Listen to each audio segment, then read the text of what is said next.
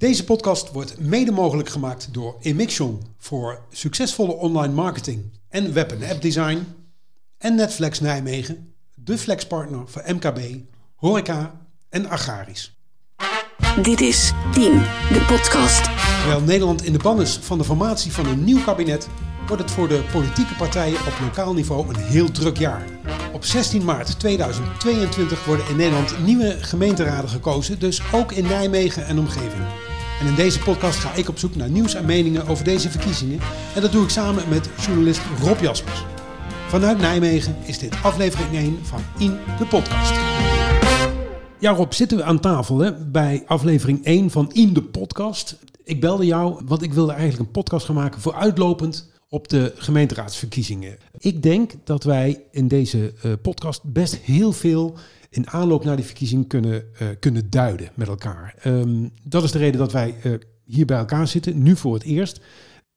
Ik dacht, we noemen hem naar de, misschien wel een van de meest markante personen uit het stadhuis van Nijmegen. Uh, we zijn een beetje schatplichtig aan iedereen die, die het mogelijk maakt dat journalisten zoals jij en ik af en toe iets te vinden en te roepen hebben. Indales. Indales is misschien wel de meest, uh, ja, ik zei het al, markante persoon die er ooit rondliep in het stadhuis. Maar ze is maar twee jaar burgemeester geweest. Hè? Ja, dat, dat is opmerkelijk. Iedereen herinnert zich Indales. Er is ook een Indales lezing. We hebben een Indales straat. Maar Indales is maar twee jaar burgemeester. Maar ze was natuurlijk wel de burgemeester, uh, uh, de eerste vrouw. Sowieso. Ja. Eigenlijk moet je even voorstellen, we hebben uh, de eerste vrouw in Nijmegen. Terwijl Nijmegen al twee eeuwen een stad is met meer vrouwen dan mannen. Maar het was de eerste vrouw. Uh, twee jaar. Daarna ging ze naar Den Haag toe. Uh, maar ze, ze, was natuurlijk wel een persoonlijkheid, omdat ze iets doorbrak. Uh, het was geen regent. Het was een mevrouw die de straat op ging. Ze had een tasje bij zich. Het was een zwaar tasje. Sommigen zeiden er zit een steen in. Op het moment dat iemand lastig is, dan deel je daar een tik mee, mee, mee uit. Maar ze ging de straat om te luisteren. Tegelijkertijd, ze verstopte haar mening niet. En wat ook belangrijk was, Nijmegen zat toen zij binnenkwam in een, in een soort dip. En uh, heeft de stad een, een, een duw gegeven. Uh, de, zij begon met nadenken over het centrum. Ze begon met nadenken over hoe kan de stad uitbreiden. Een discussie over uh, de Waalsprong. Overigens was toen ook uitbreiden naar Beuning en Weurt in beeld. En zelfs wat mensen vergeten zijn, Heumensoord. Daar werd ook gekeken om bos te kappen, om daar de stad uit te breiden. Uiteindelijk werd het de Waalsprong, maar, maar heeft daar een, een, een duw aan gegeven. En, en dat heeft de, de benaderbaarheid, het aanspreken, het luisteren, uh, dat, dat, uh, ja, dat heeft Nijmegen naar aangesproken. Van de andere kant, ze was ook behoorlijk streng hoor. Als ze haar zegje gedaan had, dan, dan, uh, dan ging ze soms ook weg. En als mensen te kritisch waren, dan greep ze ook absoluut in. Maar luisteren, dat was essentieel. En de straat op gaan. Misschien is Bruls een beetje een kopietje van Indales op dat terrein. Maar dan zonder tas. Dan zonder tas, ja. Dit is Team, de podcast. Rob, het was de week van de vluchtelingen Tina en Jacob. De week van wel of geen referendum over Furland. En de week dat bekend werd ja, dat we weer naar Doornroosje kunnen. Wat is jou opgevallen deze week? Nou ja, zeker die drie zaken. Je moet altijd hoop houden. Maar vooral wat mij opviel, ja, daar word ik een beetje triest van. Uh, ik, ik, ik zag dat uh, in Lent een, een stokoude perenboom, 100 jaar oud. Daar hebben uh, mensen voor gevochten om. Die, die moest verplaatst worden wegen woningbouw. En die is op zo'n manier verplaatst dat iedereen denkt van, gaat het nog wel redden? En, en diezelfde week zie ik ook weer dat Nijmegen een fietspad gepland heeft. Op een plek waar een oud perenlaantje zit. En denk ik, hoe kan dit nou gebeuren? Uh, uh, waarom heeft men zo weinig aandacht in dat lent aan het verleden van dat lent? Het is die, die oude bomen, die oude uh, karaktervolle bomen, dat is de kracht van de nieuwe wijk straks. Dat, daar sta je stil en dat moet je behouden, dat moet je koesteren. En hoe kan het? Ja, hoe kan het? Ik, ik, ik begrijp het niet. Want Nijmegen heeft sinds kort zelfs een, een, een, stadsecoloog in dienst. Zou je zeggen van, hey, stuur die op pad. Maar misschien is het wel coronatijd en gaat hij niet naar buiten. Maar het is het aanvaarden, het karakter van het verleden... is het verhaal voor de, voor, voor de nieuwe bewoners. En je, bijvoorbeeld met Nijmegen, Nijmegen heeft men uh, ook heel lang gedacht... we gaan alle oude boomgaarden uh, kappen in, in de Waalsprong. Gelukkig is dat door bewonersacties voorkomen... En nu zie je trouwens de kersenboomgaard bij de oude Grifdijk. Bij de, die, die, die wordt nu gebruikt door de ontwikkelaars om de wijk te verkopen. Maar die kersenboomgaard die is gered door bewoners. Want dat is, als straks die huizen daar staan, dan is dat de plek waar je zit en waar je direct in een wereld komt van het verleden. En dat is ook weer de wereld van de toekomst. En is dat dan het verschil tussen een ambtenaar aan een bureau met een computer en een tekenaar die dat uiteindelijk moet gaan uitvoeren in, in de praktijk? Of? Ja, ik zeg altijd, heb dat altijd voorgehouden. Wil je een wijk ontwikkelen, een eh, hoe groot of hoe klein dat ook is, ga daar kijken, ga daar lopen, ga daar wandelen. En maak dan de plannen. En als je dat van achter de tekentafel doet, dan werkt dat niet. Je moet de omgeving proeven. Dus corona is de tijd niet op kantoor. Ik zou zeggen, iedereen die bezig is in de Waalsprong, ga fietsen, ga lopen, ga kijken. Elke maand, zodat je de kracht en het karakter proeft.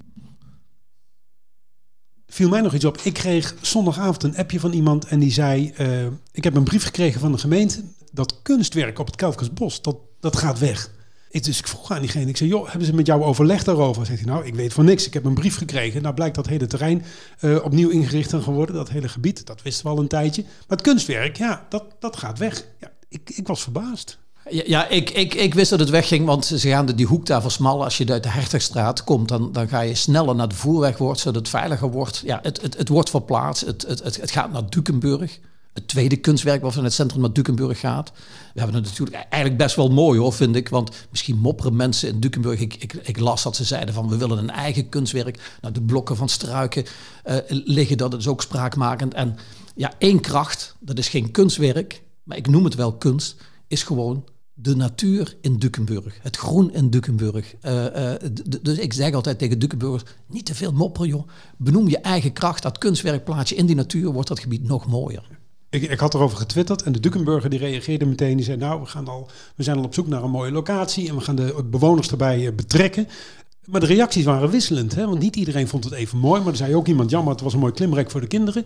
Is het nou haat liefde met die kunst of hoe zit het? Eh? Ja, ik, ik, ik zeg altijd, eh, ik, ik heb zelden een oordeel over kunst. Of het nou mooi of lelijk is. Je praat erover, je discussieert erover. Het is een gespreksonderwerp. Dus ja, vind ik die, die, die, dat, dat blauwe kunstwerk mooi? Ik twijfel soms, maar ja, je praat erover. En ik zit er naar te kijken, hé, hey, wat moet ik erin zien? Dus het is toch een moment even om bij stil te staan. Ja, het heet de tekening in de lucht of zoiets. Dat wist ik eerlijk gezegd niet. Maar met die naam in het achterhoofd... Ja. Ja, geeft het wel een ander Ja, je kunt er doorheen kijken. En inderdaad, als je kinderen komt, ik met mijn kleinkinderen kom, die gaan er ook in hangen. Dus je, van kunst kun je van alles maken. Bekijk het positief in plaats van te mopperen, denk ik. Dan. Het is geen degradatie dat het van het centrum van de stad naar, de, naar, de, naar het stadsdeel Dukenburg wordt verplaatst. Nee, ik vind het geen degradatie, want uh, ik vind dat Dukenburg eigenlijk een topwijk is die onderschat wordt hoeveel kracht die wijk heeft. En uh, in plaats van te mopperen zeg ik altijd tegen Dukenburgers, straal je kracht uit. Ja. Wat is die kracht?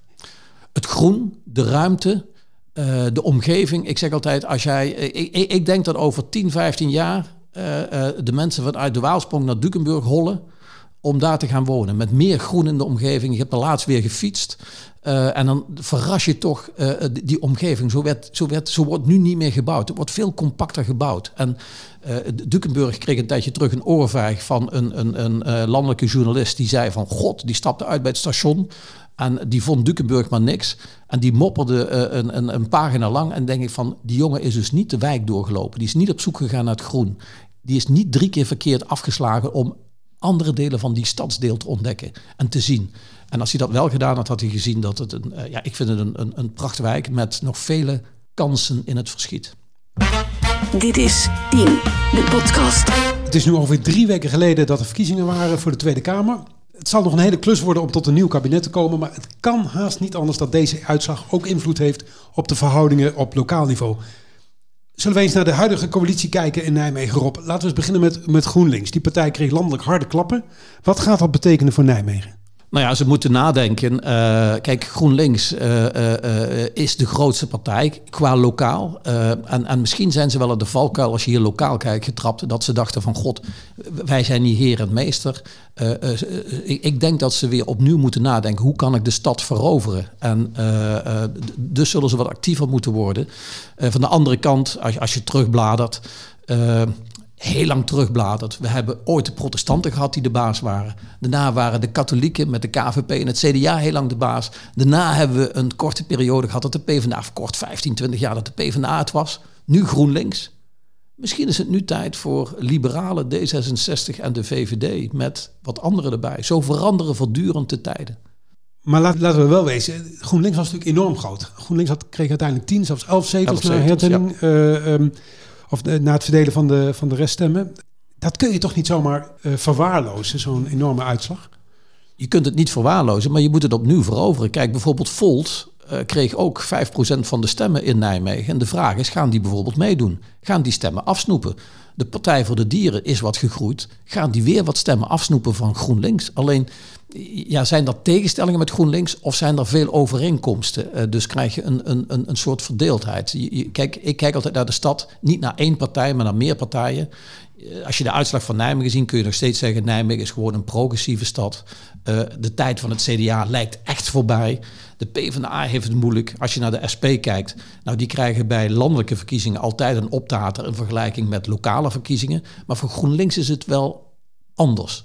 En, en iets wat een hele grote rol gaat spelen straks, als je naar de winst van D66 kijkt. Nu was de opkomst bijna 80% Hebben we straks de gemeenteraadsverkiezingen, dan wordt dat 49, 53 procent. Dus een beetje de normale opkomst. Gaan die mensen dan in Dukenburg, in Lindenholt en in Hater stemmen? En als die in Oost allemaal stemmen, waar inderdaad groen, waar D66 groot was, ja, dan, dan kan een overwinning wel eens, fors uitvallen voor D66. En ik roep ook altijd op, misschien moeten we dit keer echt werk maken. Ook de opkomst bij gemeenteraadsverkiezingen moet 75% zijn. Dat zou uniek zijn. Ja. Heeft GroenLinks het eigenlijk waargemaakt, die enorme overwinning van vier jaar geleden? Is het echt die partij geweest die, uh, die staat voor die duurzame aspecten van, uh, van deze lokale politiek? Ik zie heel veel uh, gebeuren op het gebied van duurzaamheid. Een woord waar overigens ik niet van hou. Want dat vind ik afstandelijk. Maar ze zijn bezig met groen in de wijken. Ze hebben een bomenplan gemaakt. Ze denken na over het anders. Hoe regel je het verkeer anders door de stad? Men is bezig aan het nadenken over hoe moeten we omgaan van het aardgas afgaan. Maar ja, ja, wat ze te weinig doen, denk ik, in vergelijking met verleden. Ze, veroveren, ze zijn beleid aan het maken. Dat hoort er ook bij als je de grootste bent. Maar in het verleden veroverden ze de stad in discussies, in debat. Ook nu lastig in coronatijd. De, dus ja, misschien moeten ze toch weer even wakker geschud worden. Is misschien deze uitslag wel van... Uh, er is geen logica dat wij de grootste blijven. En dan moet je even... Uh, een tik voor krijgen. En hebben ze niet ook het duurzaamheidsthema zich een beetje laten afsnoepen door bijvoorbeeld D66? Ja, natuurlijk. D66 hoort bij die partij, hoort daar ook uh, uh, bij. En kijk, iets wat natuurlijk wel een rol speelt, dat wijs ik overigens steeds op. ik, ik zie als ik naar de uitslagen kijk, altijd een soort verdeeldheid in de stad. namelijk in, in, in Oost, D66, GroenLinks, nu D66 de grote winnaar. Maar je hebt ook andere delen van de stad waar bijvoorbeeld D66 en GroenLinks nauwelijks een rol spelen. En die horen er ook bij. Dus je hebt meer partijen nodig. Dat die focus op wie is de grootste, vind ik altijd te weinig. D66 heeft mooi gewonnen, 23% van de stemmen. Maar dat betekent nog steeds 77% op andere partijen. Dus je hebt veel meer nodig dan die ene partij. En dat geldt ook voor GroenLinks. Die moeten zich realiseren, we hebben ook anderen nodig. En dat moet je ook uitstralen. SP leverde ook fors in. Natuurlijk een partij die ook in Nijmegen traditioneel altijd wel groot is geweest. Uh, kun je dat verklaren? Als je kijkt naar, uh, je moet kijken naar de vorige verkiezingen, ze hebben ingeleverd. Uh, ja, ik denk als je nu landelijk kijkt, uh, kijk, Nijmegen speelde een rol, maar het is coronatijd. We zijn alweer vergeten, maar Rutte was toch de leider in die tijd. En ik denk in een lastige tijd dat mensen toch voor het, het, het, gezag kiezen. De mensen die uitstraling hebben. En dat was toch Rutte. We zijn het nu alweer vergeten hè, door alles wat daarna gebeurd is. Maar rond die verkiezingen was dat toch zekerheid in angstige tijden kies je voor zekerheid. En dan ja, kies je voor het oude vertrouwde. Zo, zo, zo werkt dat, denk ik. Dus als ik jou beluister, dan zeg je van nou, het, het uh, aloude Havana aan de Waal zou wel eens een liberaal bolwerk kunnen worden in, uh, na, na volgend jaar? Het, het zou zomaar uh, kunnen als, kijk ook hoe, hoe, nu D66 landelijk speelt, dan, dan zou dat wel eens kunnen, kunnen, kunnen, kunnen doorzetten. Maar nogmaals, een liberaal, D66 heeft altijd twee andere partijen nodig. En VVD hoorde ik al juichen. Maar om even aan te geven, de VVD had bij deze landelijke verkiezingen misschien wel meer stemmen, maar ze hadden procentueel een iets lagere uh, resultaat als bij de vorige landelijke verkiezingen. Dus iedereen kan op zijn manier juichen, maar uh, uh, winst is niet altijd echte winst. Hè? Nee. Nee, ik, ik, ik, ik, neem me voor om een keer een aparte podcast over, over te nemen over alle lokale initiatieven. Maar even heel kort, gaan die nog een enorme factor van invloed zijn? Nou ja, het, fenomeen Nijmegen gevoel, dat speelt wel. Kijk, in de krant vind je ook in de rubriek de Nijmegenaar. Hè, de, de Nijmeegste, wie is de meeste Nijme echte Nijmegenaar? Dat speelt soms ook wel in de stad. En dat zou best kunnen. Bijvoorbeeld zo'n Nijmeegse partij zou best in wijken waar nu een relatief lage opkomst is... Dukenburg, Hatert, Lindenholt misschien best wel een rol kunnen spelen. Dat dat een push geeft aan, aan, aan lokaal. Van de andere kant, we hebben natuurlijk nu al eh, de Stadspartij, we hebben Nijmegen nu, we hebben gewoon Nijmegen. Er zijn drie partijen, die hebben samen toch alweer vijf zetels. Nou, stel dat het er zeven worden, maar er zit ook in dat Nijmegen zit ook een enorme verdeeldheid. Hè? Dus uh, dat Nijmegen gevoel is niet één Nijmegen gevoel. Dat zijn nu al verdeeld over drie partijen. Ja, ja het, wordt geen, uh, het wordt geen grote Nijmeegs geheel, geloof ik, hè? Nee, als ze roepen dat uh, de linkse partijen samen zouden moeten gaan, dan is het misschien wel. misschien moet er wel één echte lokale Nijmeegse ja. partij er zijn. Wil je een kans maken? Zoals een Bergendal eigenlijk, hè? Zoals een Bergen. Na, na verloop van tijd gebeurt dat. Na een fusie, hè, dan kruipen ze toch bij elkaar. Want dan zien ze dat alleen samen kun je macht vormen. Oké. Okay. Nogmaals, we, we, we, spreken het nu af. We maken een keer een aparte aflevering over de lokale partijen. Nog heel even kort. Uh, Hubert Bruls, functie elders? Nou, toen ik, uh, ik, ik, afgelopen week heel erg gek. Uh, ik zag dat de commissaris van de Koningin, die heet in Limburg de gouverneur. Oh, jij zegt het ook nog steeds, hè? Commissaris van de Koningin. Koningin. En van, de van, de koning is het dus, ja, zo gaat dat. maar in Limburg heet het de gouverneur. die staat onder druk. En misschien gaat hij wel weg. En toen dacht ik van, hé, hey, onze Hubert, die komt uit Limburg. Ik zie hem niet snel naar het Haagse gaan. Dat, dat, dat, en, en als gouverneur kun je een, een, een, rol spelen als, als verbinder. En dan gaat hij toch terug naar zijn Limburgse roots. Ik, ik, ik zag dat ook wel in me. En, en ik heb al eens een keer ook eerder gezegd... Hij heeft eens een keer onverwachts geroepen... Uh, in Suriname moet een, een, een, een uh, verbinder komen uit Nederland. En toen riep Bruls... hey, ik hou wel van Suriname. Toen dacht ik van, hé, hey, hoe zit dat? En toen ontdekte ik dat hij ook op een Suriname vakantie is geweest en ook Surinaamse vrienden heeft. Dus ik denk aan Limburg en aan Suriname en niet aan Den Haag als ik aan Bruls denk. Oké, dus het, het law and order profiel wat hij, waar hij de afgelopen jaren aan gewerkt heeft, door hè, strikt te zijn, te handhaven, zichtbaarheid als voorzitter van het Veiligheidsberaad, is geen optelsom richting Den Haag. Nee, ik denk dat hij meer houdt van het contact met de mensen. Of het mooie weer op Suriname. Of het mooie weer op Suriname, ja. Terugbladeren. Rob, jij bent het wandelend geheugen van Nijmeegs Nieuws. Voor elke aflevering blader jij de oude kranten op zoek naar oude verhalen. Wat viel jou deze week op? Ik heb een kamer vol met uh, verleden liggen. Kijk, als ik bijvoorbeeld nu terugblader, ik zie... Uh, het, het Valkhof Museum staat op de agenda. Het moet verbouwd worden. Ik vind het Valkhof Museum aan de buitenzijde vind ik een lelijkheid, omdat het gesloten is. Maar om even om te draaien. Aan de binnenzijde vind ik dat museum top. 83 verschillende routes, een fantastisch plafond. En ook de collectie is mooi. Met name dat sluipt daardoor. Je kunt diverse routes kiezen van wat wil je daar ontdekken. Maar het gebouw vind ik het mis. En als je dan terugbladert naar het verleden, dat zijn mensen misschien kwijt. Het gebouw wat daar staat, was niet het winnend ontwerp. Er was een ander ontwerp van, uh, van Bentham Crowell. Die hadden een museum gemaakt dat diep de grond in zou gaan. En dat maar één laag aan de bovenkant zou hebben. Dat zou heel transparant zijn, heel open zijn. En dan zou je vanaf het Kelfkesbos de, de wal met die bomen direct zien. Eigenlijk de herkenning die er altijd was, want er lag vroeger een midget golfbaan. En, en nu zeggen ze, als je in het gebouw van, uh, van Berkel bent, dan zeggen ze van aan de binnenkant zie je die mooie wal. Maar vroeger kon je die van de buitenzijde zien. En dat ontwinnend ontwerp liet dat ook zien. Alleen het gekke was, dat heeft het niet gekregen, want Nijmegen zei, dit ontwerp is te duur.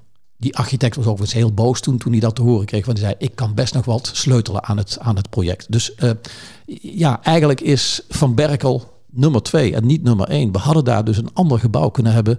Transparant open, waarvan mensen hopen dat nu bij de verbouwing dat ook gaat gebeuren. Nijmegen wel een traditie om niet voor de nummer één te gaan direct, hè?